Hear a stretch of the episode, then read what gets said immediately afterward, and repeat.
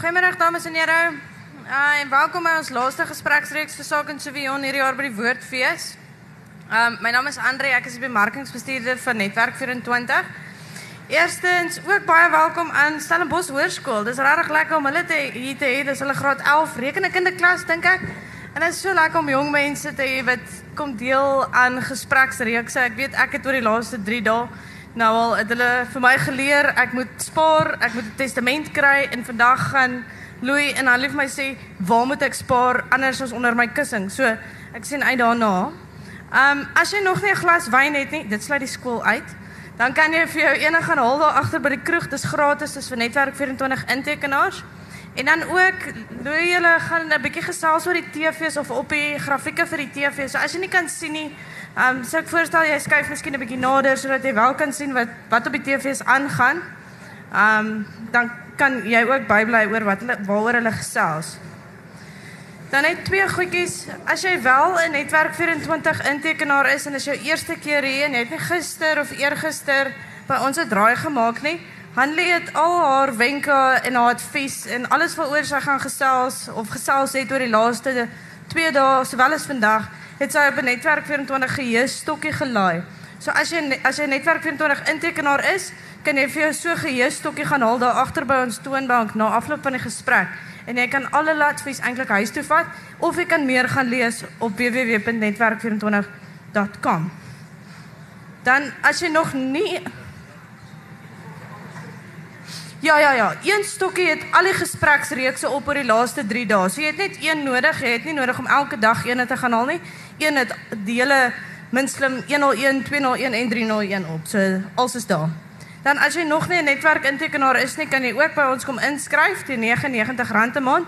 En ons het laas jaar het ons al ons Afrikaanse tydskrifte deel gemaak van netwerk. So in die verlede was dit net die koerante, maar nou kry jy 11 Afrikaanse tydskrifte onder meer Huisgenoot, Sari, Weg, Landbou Weekblad, TV Plus, SA Jagter, Tuis, Baba en Kleuter en Finweek dink ek. Um so alles is daar en as jy wil weet hoe dit werk, dan kan jy ook daar 'n draai maak en ons sal vir jou gou-gou um help hoe om dit reg te kry en wanneer jy inteken kry 'n lekker geskenksak en ek sou gou vir julle so vinnig wys wat's binne-in. Hier is ons 22 somer resepte van Sari. Hier is ons vir die gesondheidsbewuste lae koolhidrate, gesond, maklik en lekker. En dan is daar ene stap vir stap heerlike eenvoudige etes vir mense wat nie kan kos maak nie soos ek. Um en dan vir vir die meer gekonfyte kokke en die kombuis is daar Ankor resepteboek. Dit is regtig lekker. Dit is 'n dit is 'n dik resepteboek met fantastiese goed in. Dan kry jy ook 'n uh, pakkie uh, weg moerkoffie en die weg agterpaaie DVD. En dan saam met dit gee ons vir jou R100 geskenkbewys wat jy hier in die netwerk 24 winkel kan spandeer. So dis dis 'n lekker pakket uh, wat jy kry wanneer jy inteken. Dan vandag se gasspreker maak my regtig super opgewonde want dit soos ek sê, ek kan nie aldag my spaargeld onder my kussing of in my varkie wegsteek nie. Ek dink 'n mens het 'n beter plan nodig. En Louis van Vuren is 'n finansiële beplanner um, met heelwat ervarings oor beleggings, trust en en belastingsaake. So hy's beslis die ou waarmee jy moet gesels as jy wil weet waar om jou geld te belê. Ehm um, saam met hom op die verhoog dink ek net ons regtig nodig om vir Annelie Stadler weer voor te stel en sy is netwerk 24 se sake redakteur. Sy skryf gereeld vir ons, wel daagliks eintlik. En soos ek sê, hulle gaan vandag met ons gesels oor beleggings. Hulle noem dit eintlik is jy van Bangbroek tot Buffett. So of jy begin met beleggings en of jy nou al jare daarmee besig is, ek dink jy gaan iewers gaan jy vir jou advies kry wat eintlik waardevol is. As jy 'n vraag het gedurende die gesprek, hou dit by jou. Ons sal na die tyd sal ons geleentheid bied vir vrae en dan sal Louie of Hanlie vir jou help daarmee. En dan gaan ek oorgie na jou. Geniet dit. Dankie julle. Hallo almal. Louie het net maar vir my verduidelik dat ek nie gaan kan aftree nie. So ek dink vandag moet ek ook stil bly en luister. Louis, die finansiële dienste bedryf vir die afgelope paar jaar heelwat verander. Hoe kies mens vandag 'n finansiële adviseur? Annie, ek dink die belangrikste ding is om seker te maak die persoon wat jou adviseer oor jou finansies en oor jou beleggings en boedelbeplanning en al die ander dinge wat daarmee saamgaan, versekerings ehm um, is jou agent. Ehm um, maak seker dat die persoon na jou beste belange omsien. Ehm um, daar is verkoopsmense in die bedryf wat en dit is hulle taak om finansiële produkte te verkoop namens die ehm um, produkhuise. Ek het in my lewe van hulle teëgekom wat uiters etiese goeie adviseurs en beplanners is, maar wat 'n mens moet verstaan is dat hy het 'n plig of sy het 'n plig om daardie produkhuise produkte verkoop. So dit gaan nie daaroor vir wie werk die persoon nie. Dit gaan nie daaroor of die persoon produkte verkoop of nie verkoop nie. Die belangrikste ding om te bepaal is gaan hierdie persoon na my beste belang omsien? Gaan hierdie persoon as my agent optree en nie as 'n produkhuis se agent nie? Ek dink daarmee saam ek ek ek wil net die die die volgende punt oopmaak. Maak seker jy verstaan hoe verdien die persoon sy sy inkomste. Ehm um, watter produkte is hy gemagtig om te verkoop? Of dalk verkoop die beplanner geen produkte nie. Ehm um, ek persoonlik verkoop geen produkte. Ehm um, met watter maatskappye werk hy saam of verteenwoordig hy? En en onthou net, daar's nie so ding soos gratis advies nie. Iemand betaal daarvoor. Daar's 'n baie goeie Engelse uh sê ding wat sê there are no free lunches. Um, iemand eers betaal daarvoor.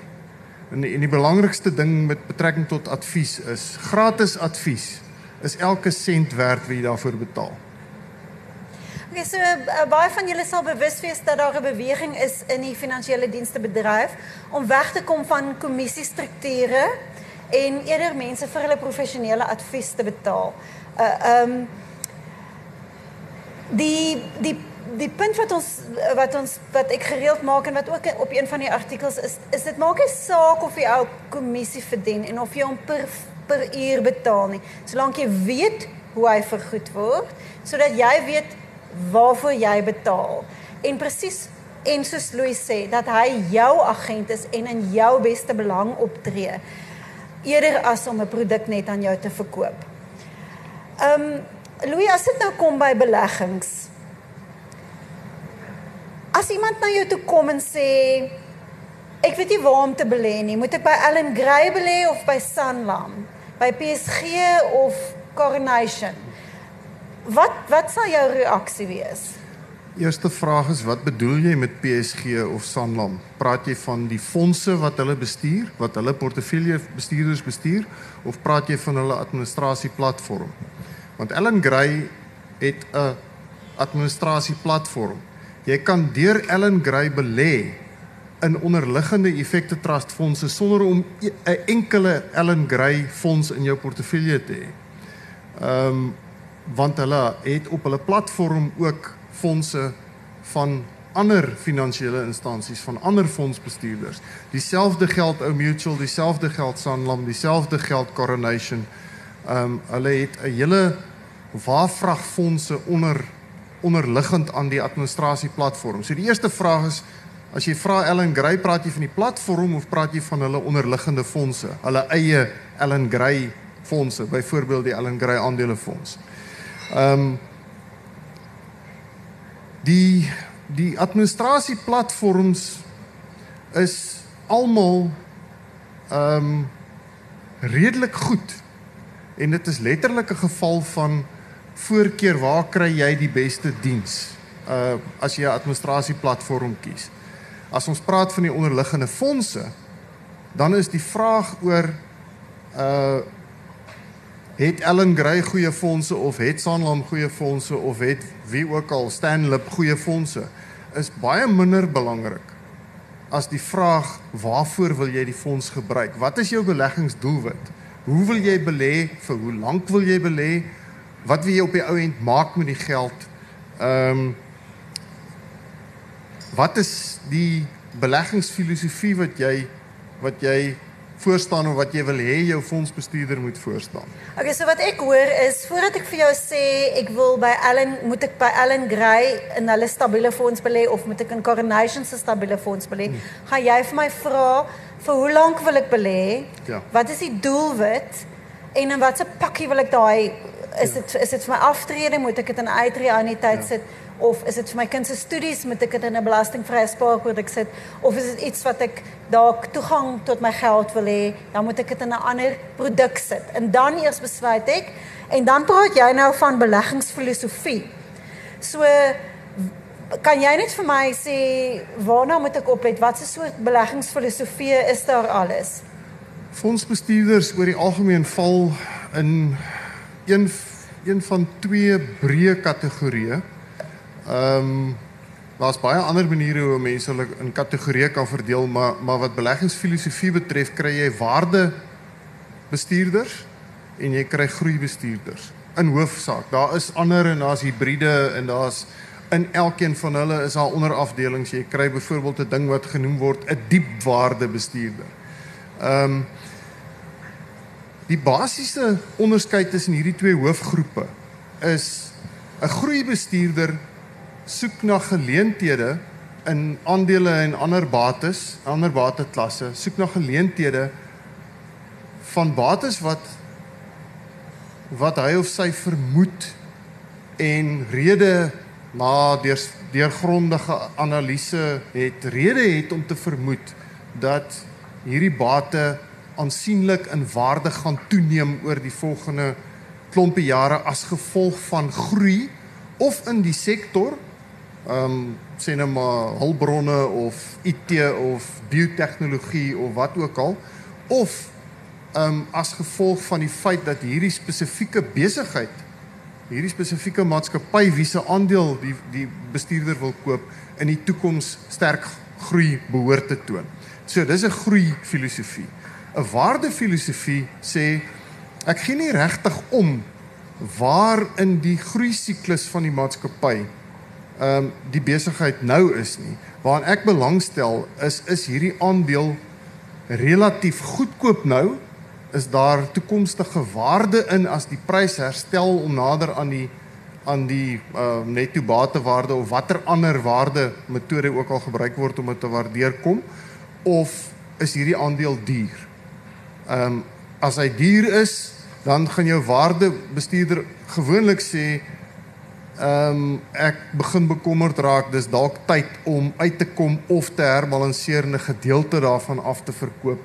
Ehm um, terwyl jou groeibestuurder gaan sê, "Wel, daar's nog groeipotensiaal, ek gaan ek gaan daarin bly." Is natuurlik nie heeltemal so eenvoudig nie, maar dit is ehm um, dit is 'n uh, okay, in, in redelike breë trekke. Ek dink daar is omtrent so iets soos 1300 effekte trustfondse en indeksfondse om uit te kies. Moet ek nou weet wat is die waarde beleggingsfilosofie van elkeen van daai voordat ek besluit waar ek my geld belê of gaan jy as finansiële adviseur vir my 'n bietjie sin maak van van al daai keuses? Ek dink die dit kom weer eens terug na wat is die wat is die doel waarvoor jy belê en wat is die termyn waarvoor jy belê? Ehm um, die meeste gebalanseerde fondsbestuurders gaan waarskynlik kyk na 'n mengsel van die twee filosofieë. Ehm um, terwyl ehm um, as jy byvoorbeeld ehm um, kom ek gebruik hulle sê altyd jy moet jouself nooit as die norm gebruik nie, maar kom ek gee net 'n voorbeeld. 'n Gedeelte van my eie pensioengeld wat ek self bestuur het ek in 'n spesifieke um, waardefonds van 'n spesifieke instansie geplaas. Dis 'n klein deel, dis 10 is minder gewoonlik minder as 10%. Die daardie bestuurder is 'n diepwaarde bestuurder.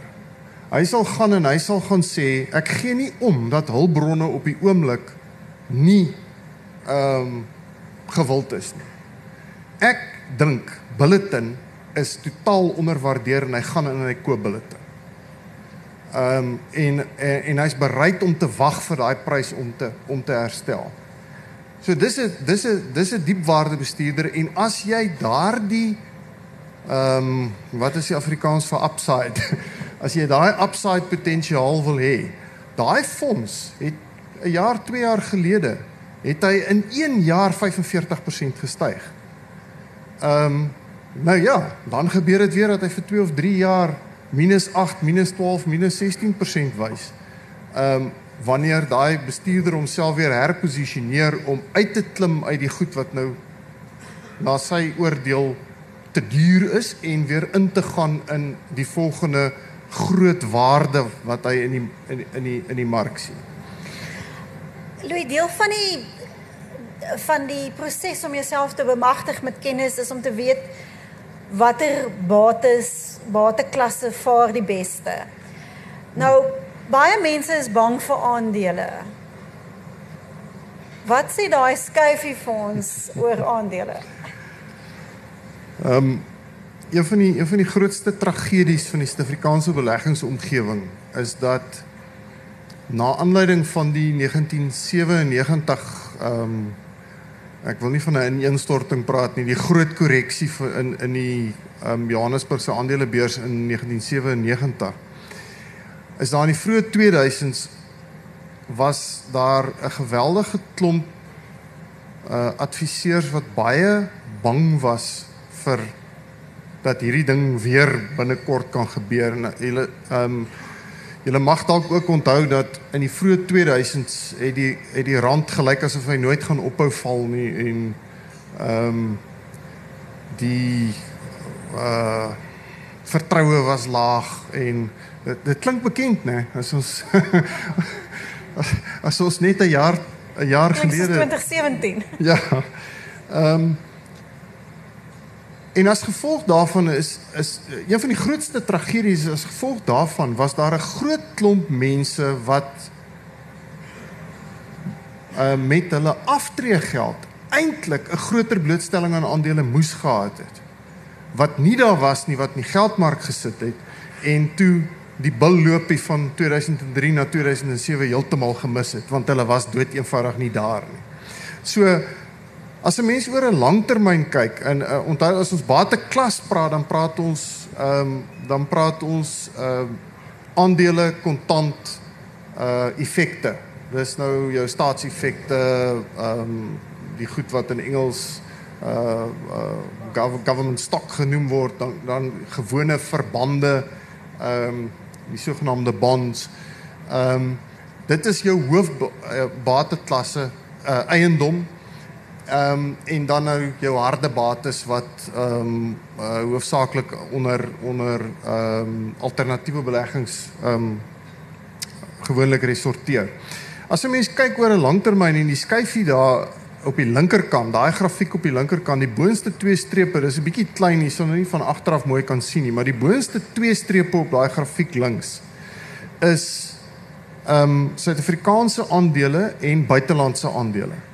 En dit is 'n 87 jaar termyn daarin.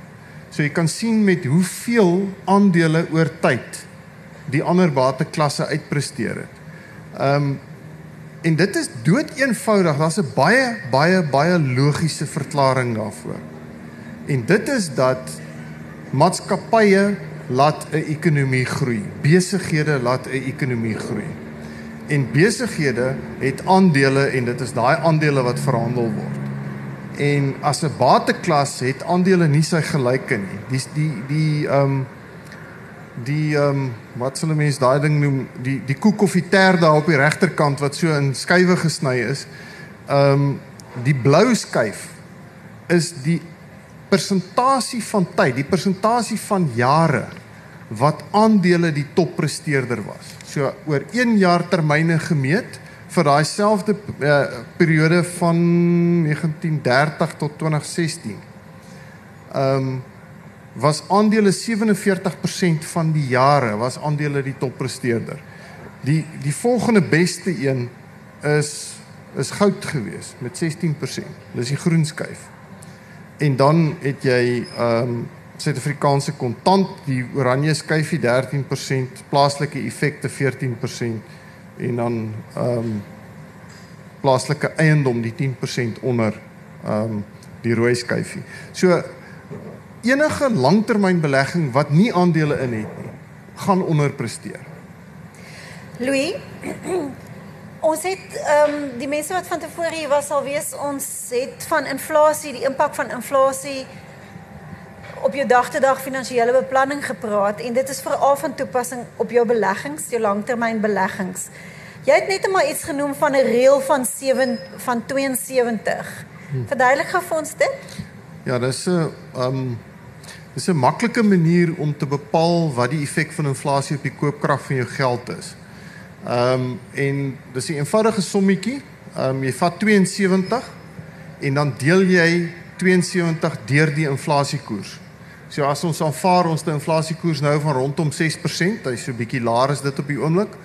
Uh maar as ons 6% vat en jy deel 72 deur 6, dan kom jy by 12 uit. En daai antwoord is die tydperk in jare wat dit neem vir jou geld se koopkrag om te halveer. So teen 'n inflasiekoers van 6% per jaar konstant gaan dit 12 jaar neem dan kan jy net die helfte koop met dieselfde hoeveelheid rand as wat jy 12 jaar gelede kon koop. Ehm um, as die inflasiekoers hoër gaan, as die inflasiekoers 12% word, dan gaan jou geld se koopkrag elke 6 jaar halveer. As die inflasiekoers lekker laag val na 4% toe, dan vat dit 18 jaar vir jou geld se koopkrag om te halveer. Nou kan jy verstaan hoekom pryse in dollar en rand terme, die van u wat gereeld oor see reis, uh hoekom uh pryse in dollar en pond terme oor see nie so vinnig opgaan nie want daai mense sit met inflasiekoerse van tussen 0 en 2%.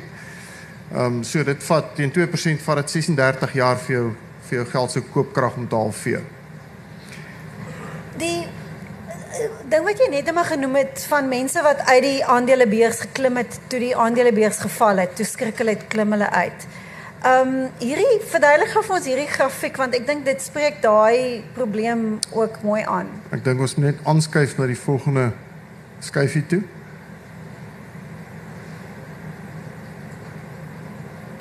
Daar sê.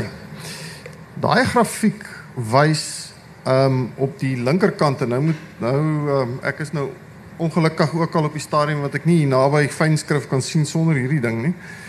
Ehm um, die totale opbrengs die linkerkantste die hoë stafie sê dat in 'n in 'n tydperk ehm um, as jy in die die beste dae op die JSE misloop oor 'n tydperk van 10 jaar die heel linkerkantste te stafie sê as jy die hele tyd in die aandelebeurs belê was En en hier praat ons nou van indekswaarde. So jy's net in die beurs belê en jy jy presteer gelyk met die met die, die indeks se prestasie. Dan sou jou opbrengs oor die 10 jaar nominaal 360% gewees het. Met ander woorde, jou geld sou 3.6 keer meer gewees het na 10 jaar as jy die hele tyd in die beurs was. As jy net die 15 beste dae op die beurs in daai 10 jaar misgeloop het as jy nie in die mark was op die 15 beste dae in daai 10 jaar periode nie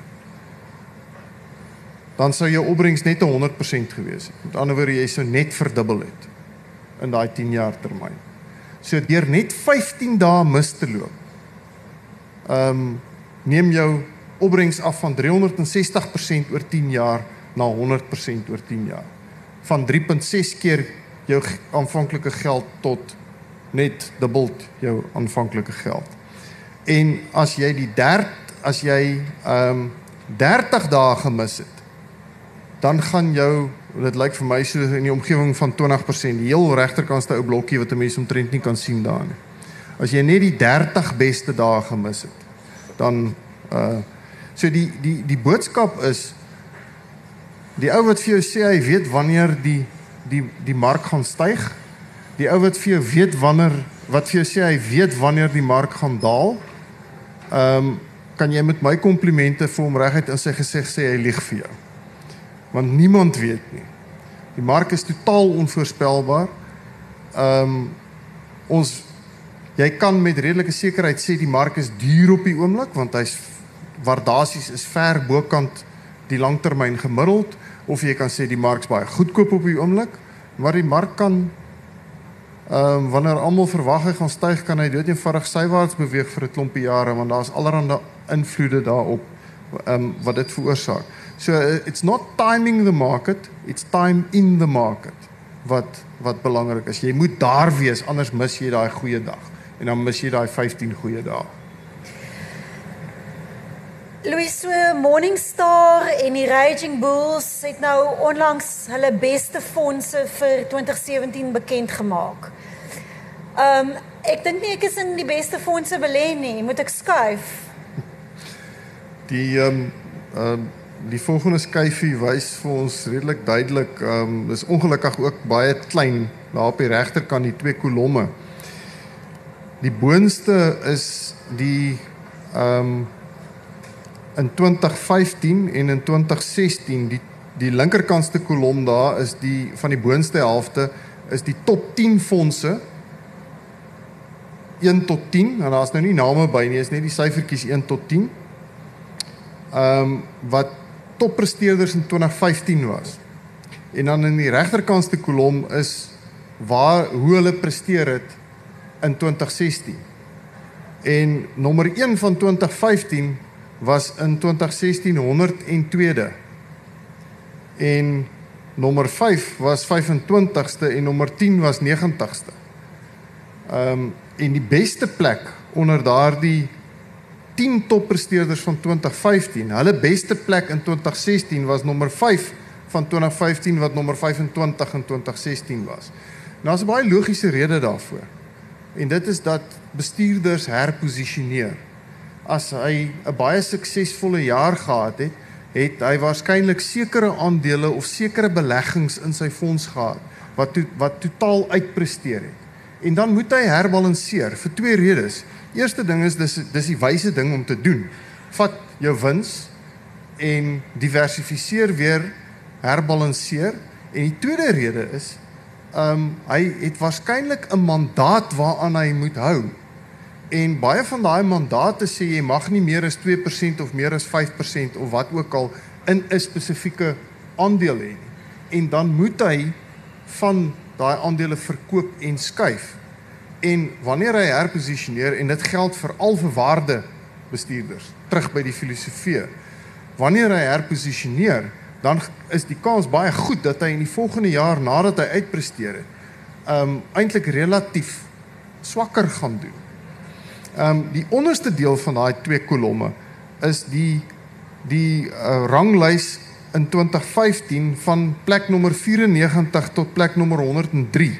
Nou dis nog steeds almal fondse wat baie goed presteer het want ehm um, Hanlie het net nou vir ons gesê daar's 1300 effekte trust fondse op die oomblik waaruit jy kan kies.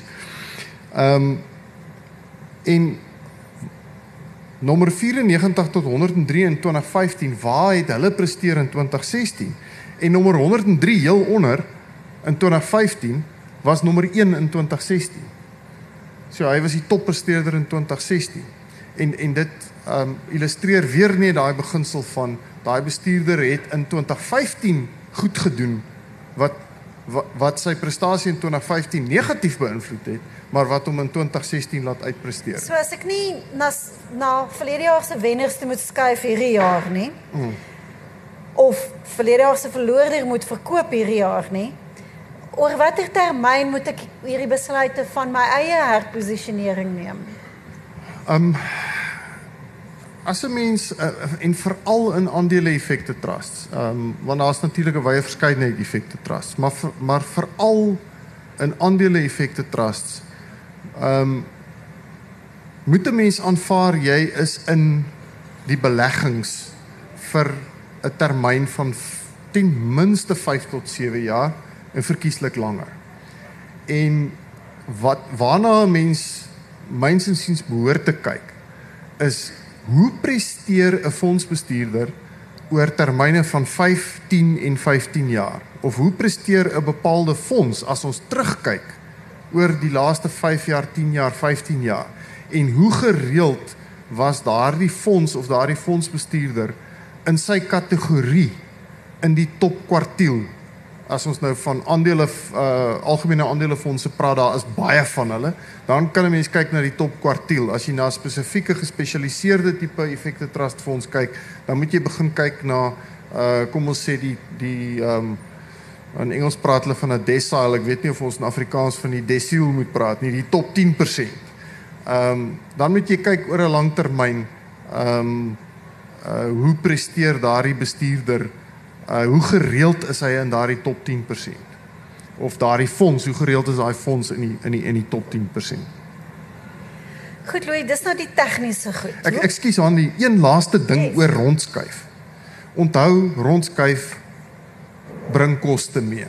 Daar is fooie betaalbaar um aan die fondsbestuurder, aan die persoon wat vir jou die werk doen.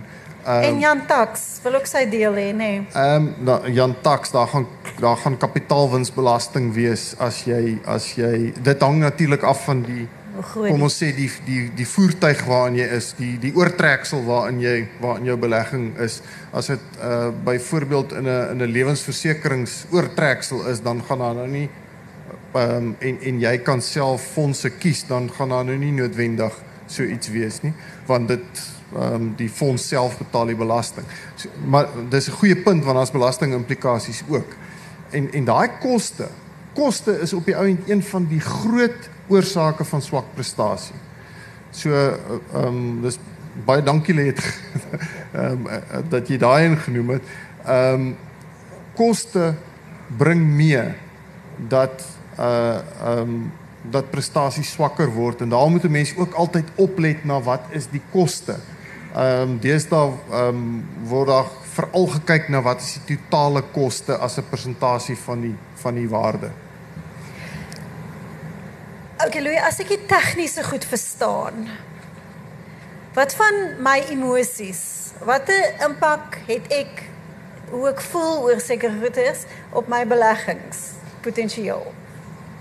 Daar is ehm um, daar's mense wat glo en ek ek stem nogal saam met hulle dat ehm um, dat dat beleggings net soveel 'n wetenskap van sielkunde is as wat dit 'n syferwetenskap is. Ehm um, want emosies is geweldig belangrik. En 'n mens moet jou eie emosies verstaan, jou eie emosies rondom geld verstaan.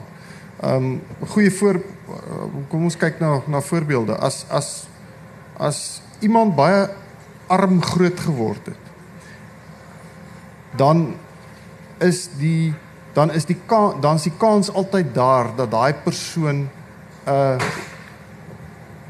'n emosionele blok gaan hê um, met betrekking tot risiko. Want hy of sy het nooit die risiko hy het nooit die luksheid as jong kind of jong mens gehad dat daar ehm um, dat dat 'n verlies verwerk kon word nie want daar was dood eenvoudig nie genoeg nie. Uh 'n finansiële verlies verwerk kon word nie. Ehm um, ehm um, gierigheid is natuurlik ook 'n ander baie sterk emosie. Ehm um, die interessante ding is dat um, ongeveer 15 jaar terug het um wêreldwyd het um het die sogenaamde uh, in Engels behavioral finance al hoe meer op die voorgrond begin kom.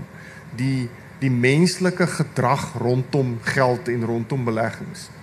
En die die grafiek wat ons nou daar op die op die skerm het wys dat ehm um, en hierdie is 'n studie wat in Amerika gedoen is, die Delbar studie. Ehm um, En ons het geen rede om te dink dit gaan anders in Suid-Afrika wees nie. Die gemiddelde belegger het tussen 1996 en 2015 in Amerika oor 'n 20 jaar termyn het die gemiddelde belegger wat self sy beleggings bestuur het, het 'n gemiddelde groei per jaar van 2.1% gehad in Amerika. Daarteenoor was inflasie 2.2%, huispryse het 3.4% gestyg Ehm um, konservatiewe portefeuilles het 6.7% gegroei per jaar gemiddeld oor daai 20 jaar en alle aandele het 8.2% gegroei oor daai selfde tyd. So die gemiddelde belegger in Amerika het oor 'n 20 jaar termyn 'n kwart van die opbrengs gewys wat die aandelemark gewys het in daardie in daardie selfde in daai selfde te, termyn. En dit kom terug na hierdie vooroordeele wat ons het. Ehm um, ek weet nie het ons tyd om vinnig na 'n paar van hulle te kyk. Kom ons kyk na die vooroordeele, jou emosionele vooroordeele. Ehm um, daar's 'n hele rits van hulle. Ek het um, so 'n bietjie deur die literatuur gekrap en agtergekom daar's daar's 16 of 18 van hierdie vooroordeele wat al geïdentifiseer is. Een een daarvan is te hoë vertroue. Ehm um, uh mense te hoë vertroue in jou eie vermoëns om om wenners te kan raak sien ensovoorts. Ehm um, dan sa 'n vooroordeel rondom verteenwoordiging. Jy dink dat die deeltjie wat jy raak sien verteenwoordig die hele mark. Ehm um, beskikbaarheid. 'n Mens rasionaliseer baie maklik as iets beskikbaar en voor jou is, rasionaliseer jy baie maklik dat dit 'n goeie ding is. Ehm um, die illusie van beheer. Ehm um, ek ek het dit al by baie mense gekry wat vir my sê, weet jy wat? ek belê in woonhuise. Dis alwaar ek belê. Want ek kan die huurder gaan uitgooi as hy nie betaal nie. Ek ek beheer my belegging. Ehm um, natuur natuurlik ons gaan nou nou terugkom na risiko toe, maar natuurlik is daar ander ander goed wat jy nie kan beheer rondom rondom daai tipe belegging nie. Daar's optimisme. Baie mense, vir baie mense is die glas dood eenvoudig net altyd half vol en hulle hulle weier om die negatiewe raak te sien. Ehm um, of die risiko's raak te sien. Ehm um, daar's uh, daar's jou bevestigingsvooroordeel. Dis daai ding wat sê en dis dis interessant. Dis 'n kognitiewe vooroordeel. Dis nie 'n noodwendige emosionele vooroordeel. Dis daai ding wat sê ek het julle mos gesê dit gaan gebeur. Ehm um, ek het dit gesien kom. Ehm um, ten spyte daarvan dat dit onmoontlik was as 'n mens rasioneel daar daarna gaan kyk dat dit onmoontlik was om te sien dat hierdie ding gaan gebeur. Ehm um, daai daai soort van ding. Die vermyding van selfverwyd. Ek is te bang om in hierdie ding in te gaan want ek is bang ek gaan myself later verwy daaroor. Ehm um, verliesvermyding. Ek kan nie verlies hanteer. So nee, vergeet dit. Moenie my oor aandele praat nie. My pa het 'n klomp geld op aandele verloor. Uh, Moenie my daaroor praat nie. Uh, dis daai soort van emosionele vooroordeele ehm um, wat ehm um, geweldig interessant is maar wat 'n mens moet verstaan in jou eie uh samestelling en 'n manier moet kry om daarmee om daarmee te handel. Louis, ek dink ons ken almal die uitdrukking, maar dit, ons vergeet dit soms. Moenie al jou eiers in een mandjie sit nie. Hoekom? Yeah. Ja. Wat kan jy vir ons vertel van diversifikasie? Ehm um, Spreekwoorde is nie altyd reg nie, maar hierdie een is.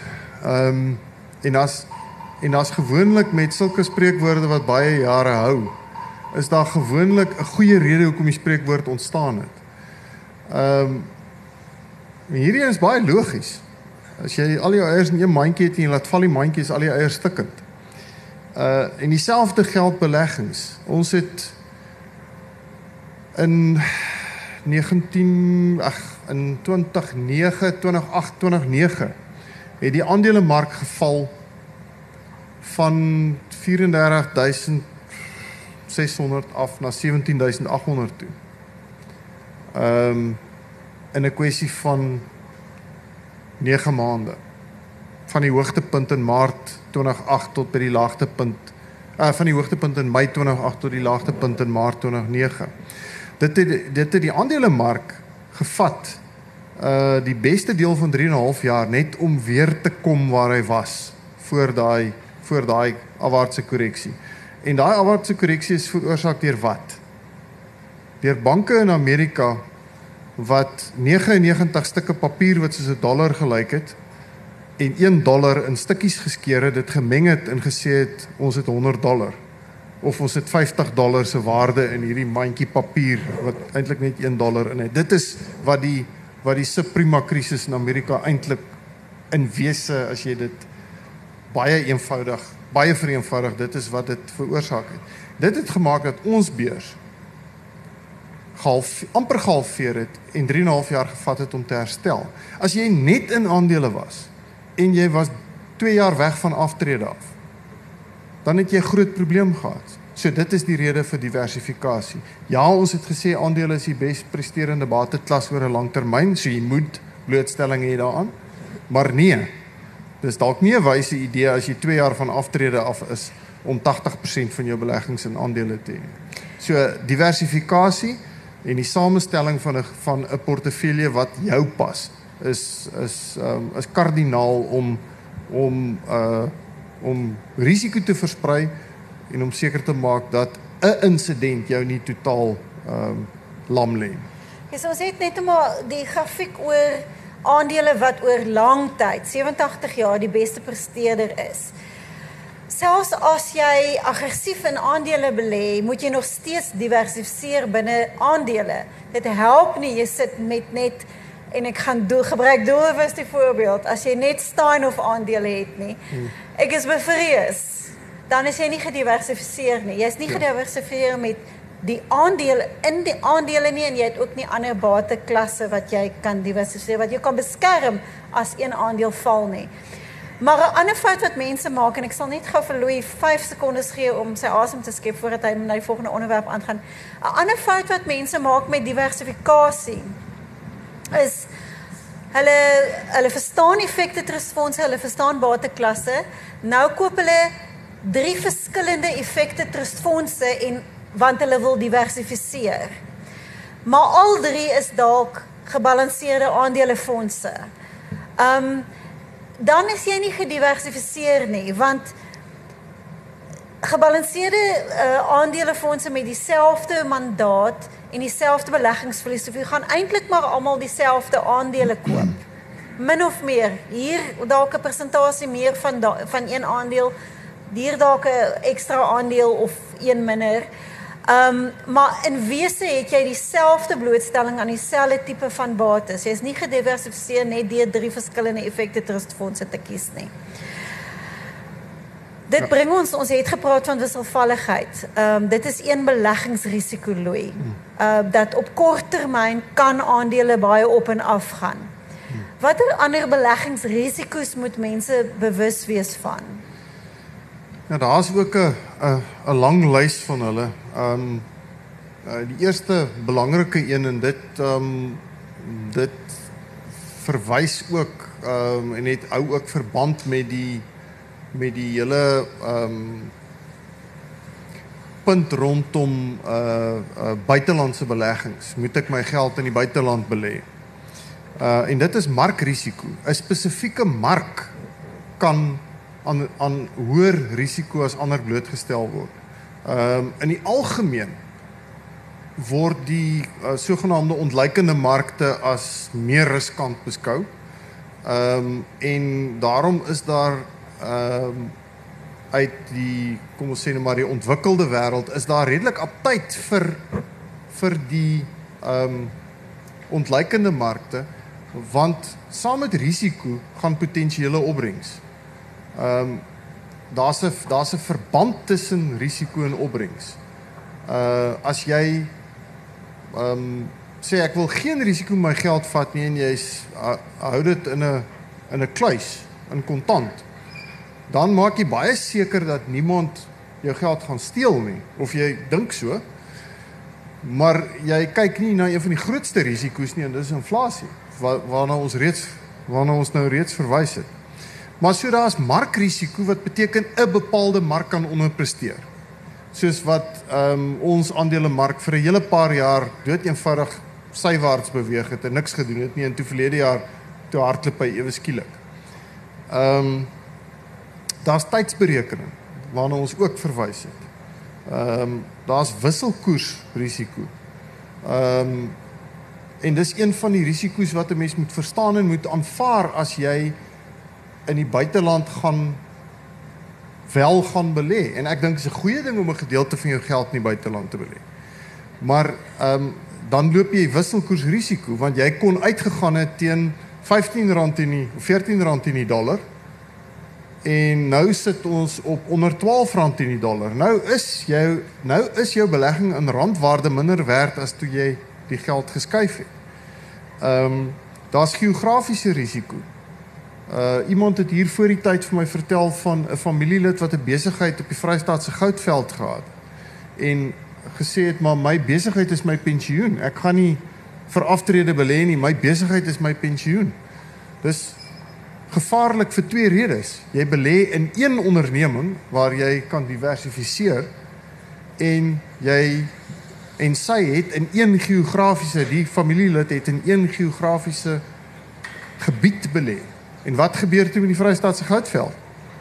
Die Vrystaatse goudveld se ekonomie het basies in duie gestort.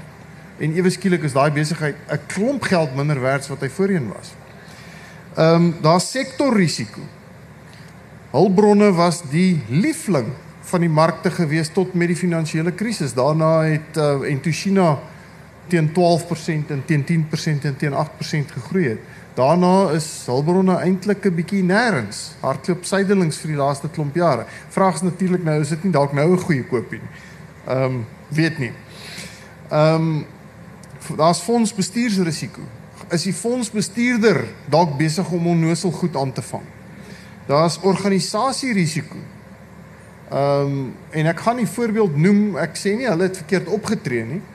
Ek sê net Coronation was een van die fondsbestuurders wat eerlik genoeg was om onmiddellik toe die Steinhoff ding breek. Toe kom hulle onmiddellik uit en sê ons het soveel blootstelling aan Steinhoff. En hierdie is die redes hoekom ons aanvanklik in Steinhoff belê het. En hierdie is die redes hoekom ons nie betyds uit Steinhoff uit is nie. Ehm um, wel, jy sou 'n uh, 'n uh, 'n waarsêer moes gewees het om om betyds te kon uitklim. Ehm um, daar's likwiditeitsrisiko. Ehm um, hoe vas is hierdie geld? Hoe maklik kan jy dit uithaal? Ehm um, daar's uh, en en 'n goeie voorbeeld is byvoorbeeld die Sharemax ding van 'n klompie jare gelede. Ehm um, daar's mense wat nou nog sukkel om om iets uit daar uit te kry. Ehm um, daar's 'n legio voorbeelde waar waar waar likwiditeit 'n probleem is. Ehm um, daar's risiko met ehm um, betrekking tot die keuse van spesifieke aandele, die sogenaamde stock picking risk. Ehm um, die risiko dat jy dit verkeerd kan kry en die verkeerde aandele kan kies. En dan is daar natuurlik wisselvalligheid, volatiliteit wat ehm um, en de, en dis maar die dis die groot risiko's waarna mens moet kyk en waarvoor jy moet oppas en wat jy op 'n manier moet probeer bestuur. Ehm um, ek wil net terugkom na wat jy gesê het oor die oor die uh jy koop drie verskillende effekte trusts en jy dink jy's gediversifiseer. Die belangrikste ding om te doen is om te gaan kyk en dis alles op die internet beskikbaar. Wat is gaan kyk na die feiteblad van daardie effekte trust fonds en gaan kyk wat is sy top 10 uh aandele waarin hy belê is of sy top 10 bates waarin hy belê is as 'n gebalanseerde fonds is. En dan kan jy sien of jy het nou 3 effekte trust gekies maar hulle al 3 het 5% in Anglo-American. Dan dan het jy nie regtig vreeslike diversifikasie gekry deur in drie verskillende fondse in te gaan. Ehm um, die die volgende skyfie uh wys eintlik vir mense uh, wie jy is as as 'n belegger. Waar val jy op die risikokontinuum? Hoeveel hoeveel risiko wat gaan jou laat wakker lê? Ehm um, en dit wissel van konservatiewe belegger tot aggressiewe belegger met al die fases tussenin. Um omdat dit op die skuifie is, gaan ek nou nie te veel daaroor sê nie, maar Louis, ek dink jy mens moet mense is ook nie altyd. Jy kan dalk begin as 'n jong mens wat in Bitcoin belê en baie aggressief in aandele inklim en gemaklik is daarmee. Um maar dan verander dit oor tyd, dan nie. Ja. Ja, 'n lewensfase is baie belangrik. Ehm um,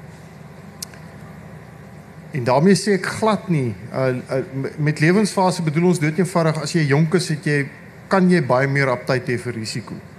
Ehm um, as jy soos ek net nou gesê 2 jaar weg is van aftrede af dan dan behoort jy baie minder aptyd vir risiko te hê want dan is dit die tyd om jou belegging te konsolideer en seker te maak dat 'n korttermynskommeling in 'n bateklas jou nie ehm um, heeltemal potjie nie. Ehm um,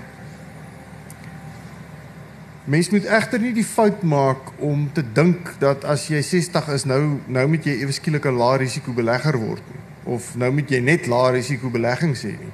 Dit hang absoluut af van wat jou beleggingshorison is. Ehm um, gaan is jy nog in vir 10 jaar? Ek is 60. Maar ek het vrede gemaak om dat ek nie kan laat ek nie gaan ophou werk voor ek ten minste 70 is nie as my gesondheid hou.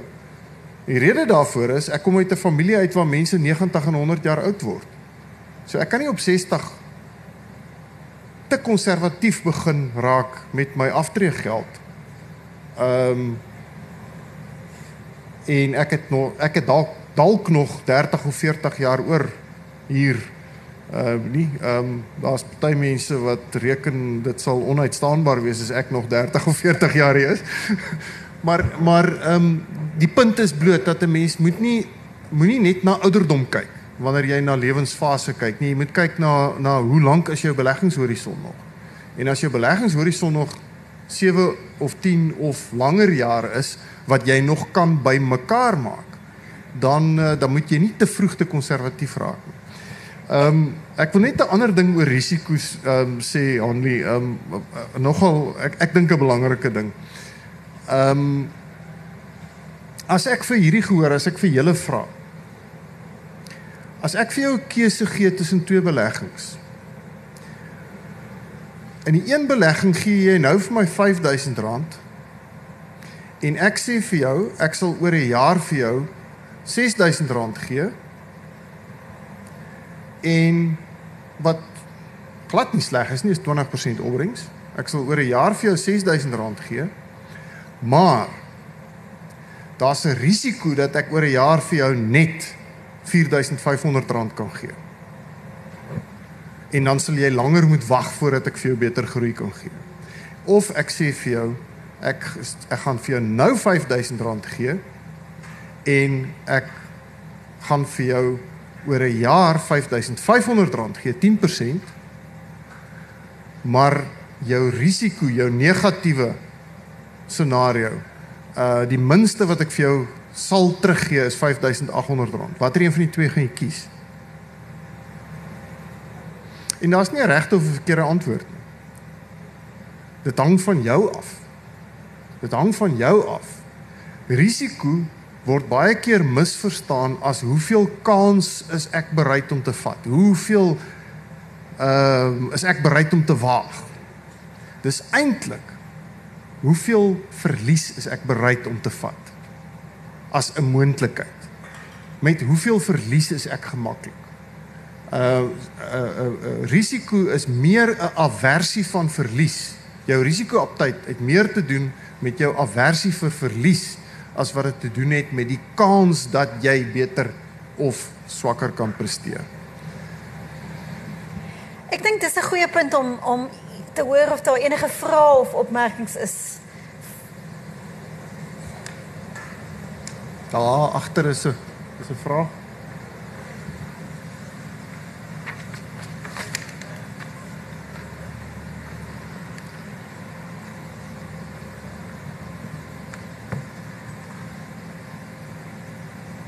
Baie dankie. Ehm um, ek dink teen die ek het 'n vraag gehad vroeër, maar teen die einde van die gesprek is hy in 'n mate beantwoord. My vraag is net daar word altyd verwys veral deur adviseurs en so gaan oor jou 2 jaar voor aftrede. En dit is vanmiddag omtrent 4, 5 keer genoem. Ek sê net jy op werk, jy hou nie op lewe nie. En wat ek sê dis in 'n mate vir my beantwoord. 'n mens moet nog hoë risiko gaan. Maar hoekom is daar altyd die half die gesprek om te sê 2 jaar voor aftrede raak konservatief deur adviseurs. Ja. En daar het jy self nou gesê dit gaan oor lewensverwagting. Mm. En daarmee het ek 'n probleem dat adviseurs altyd vir jou sê, hoorie, is 2 jaar voor jy aftree, dan moet jy konservatief begin raak. Dankie. Ja, ehm um, uh, jy is heeltemal reg. Ehm um, en ehm um, ehm um, my my gunsteling slaansak is gewoonlik die die ehm um, die FACE wet. Die wet op uh uh finansiële advies en tussengangerdienste. Die FACE kom van die Engelse die Engelse afkorting of Financial Advisory Intermediary Services Act. En daar die daardie wet het tot gevolg gehad dat ehm um, finansiële adviseurs ehm um, baie versigtiger geword het. Wat aan die een kant 'n baie goeie ding was, aan die ander kant ehm um, het hulle het daar te veel adviseurs so versigtig geword dat hulle ehm um, half aan die aan die ehm um, as jy Engels sê let's err on the side of caution. Ehm um, ek sê nie jy moet 2 jaar in 2 jaar is 'n arbitreëre tydperk. Jy kan 3 jaar, 5 jaar maak nie saak nie. Al wat ek sê is wanneer jou verdien vermoë begin afneem. dan dan moet jy ten minste net gaan sit en kyk na jou na jou risiko uh profiel en na jou uh um jou aptyd vir verlies van daar vorentoe. As jy een van die gelukkige ouens is wat 50 of 60 miljoen rand se aftreekapitaal het, dan um, dan hoef jy nou regtig nie vreeslik uh konservatief te raak 2 jaar voor aftrede nie. As jy uh, soos die meeste van ons nou nie so baie aftreekapitaal het nie, dan uh dan dan dan moet jy ten minste net gaan sit en kyk en sê maar wat verwag ek gaan gebeur wanneer ek nou kom ons sê uit formele diens uitgaan. Gaan ek nog ander bronne van inkomste hê behalwe my aftreegeld? Ehm um, dan lyk jou risiko profiel totaal anders as die ou wat net 'n pensioen het om van te leef na hy afgetree het. So ek het 'n vraag oor die balansering van sê net maar ETFs of eenheidsfondse wat ek al. Ehm um, in Engels, maar is ons basies die twee velde wat cap weighted is of equal weight. Nou in die kort termyn met aandele soos Naspers wat basies my indeks domineer. Ja. Ehm um, dan as mens equal weight gaan, dan natuurlik gaan jy by definisie onderpresteer in die kort termyn, maar dink kom as jy moet werk om oor die lang termyn liewer te gaan vir equal weight. Ehm um, of of of moet mens probeer om of die golf saam te ry met so groot aandeel? Um, ek is bevrees daar's nie 'n antwoord vir jou vraag nie. Ehm um, die die die realiteit is dat ehm um, Naspers ek het nou lanklaas gekyk na wat se gewig hy van die van die alle aandele indeks uitmaak, maar as hier maar as hier rondom dit wissel hier tussen 17 en 21%. So daar's 'n geweldige skeeftrek faktor as gevolg van Naspers. Ehm um, mense sal vir jou sê die beurs is duur omdat die gemiddelde prysverdienste veelvoud is ehm um, 18 of 19 in die langtermyn gemiddeld is 13.6. Nou sê hulle die beurs is duur. As jy Naspers uithaal wat met 'n verdiens met 'n belaglike prysverdienste veelvoud sit, dan dan lyk die prentjie totaal anders. En dan ehm um, en ek het nou lanklaas gekyk na wat presies dit is, maar maar ehm um, die prentjie verander totaal as jy Naspers uit die uit die uit die ehm um, uit die vergelyking uithaal. Ek dink jy het baie goed jou vinger daar gelê op een van die risiko's. Die risiko dat jy te veel blootstelling het aan een aandeel as jy die as jy die uh nie die equal weight uh ene vat ja. nie.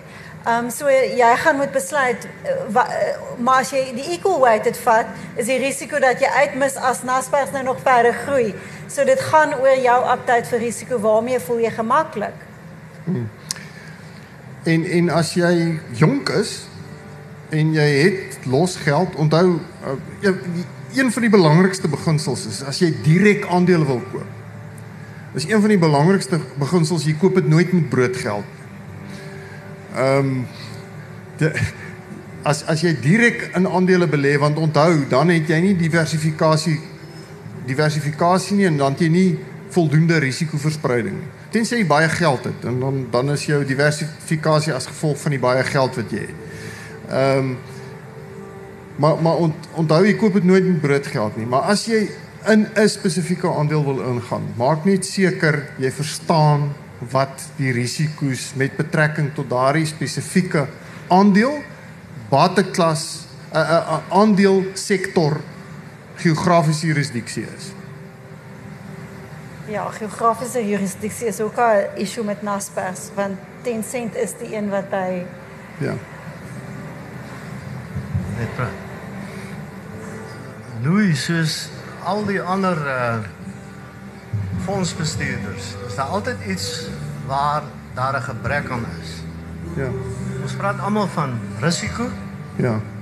Handel se emosie Maar ek dink die belangrikste ding wat fondsbestuurders uitlaat om vir die gewone man te sê is die mees gegeewe goede. En dit is onder andere belasting en die dood. Ja. Om fondse rond te skuif soos jy self gesê het, kos jy geld.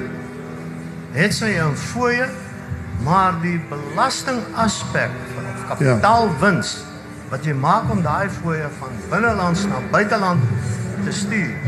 Ek weet nie of fondsbestuurders selfs daai emosie het om vir sy belegger die belangrikste uh uh wat noem jy dit nou ook al inligting te gee of raad te Ja. gee.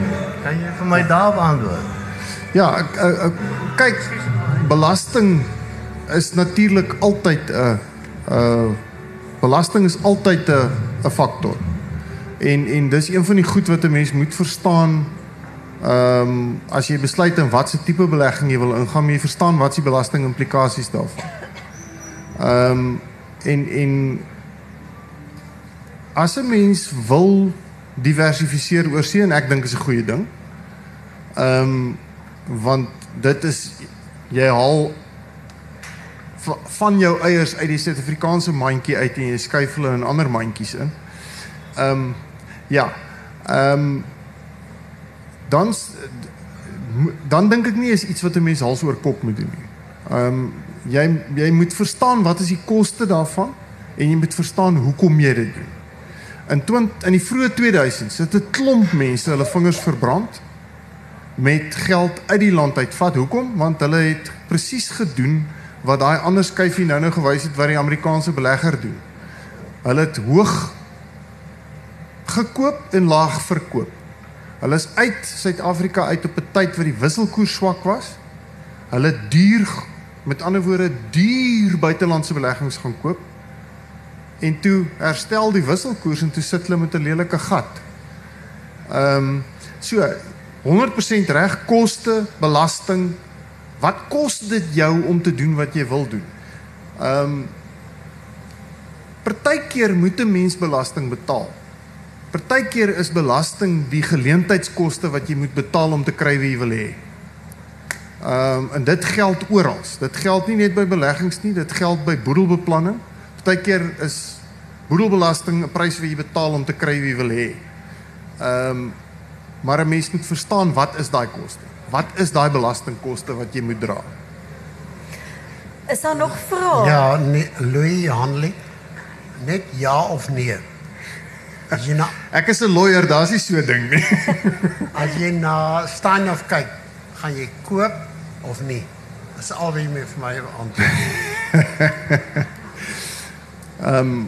Ek mag jou nie adviseer daaroor nie. nee. Ehm um, as jy wil spekuleer, dan sou ek sê dis nog te vroeg. Ehm um, maak eers seker wat gaan daar uitkom, want ek het nou al waardasies gesien wat sê net Star, Steinhoff Africa Retail, die die plaaslike besighede.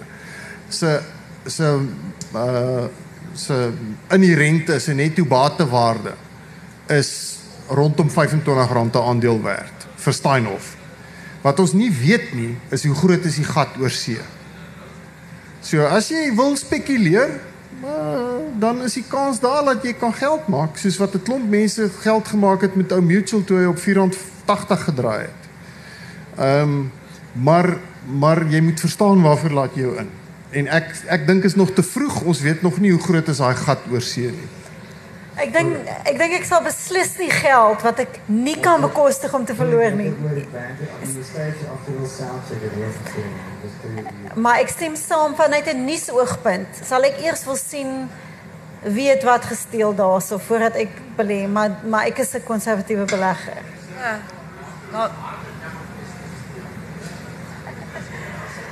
Be na bewering gesteel. Is Marcus hier rond? Hy is blykbaar op Stellenbosch. Ehm, um, ekskuus tog, wat het ek nou gedoen? Ek het nou ignoreer alles wat ek nou gesê het. As daar nog vrae is, ons gaan van die verhoog af want ons tyd is op en hulle gaan nou begin oefen. So as daar individuele vrae is of opmerkings is, uh, is julle baie welkom. Ons gaan nog so 10 minute hier rondhang. baie dankie Annelie en Louis en ja, uh, kom vra gerus vir hulle 'n vraagie of twee. Onthou dat as jy netwerk 24 intekenaar is en net nog nie 'n 'n 'n geheustokkie gekry nie, dan kan jy daar agter by Bianca vir eendag gaan haal. Dankie.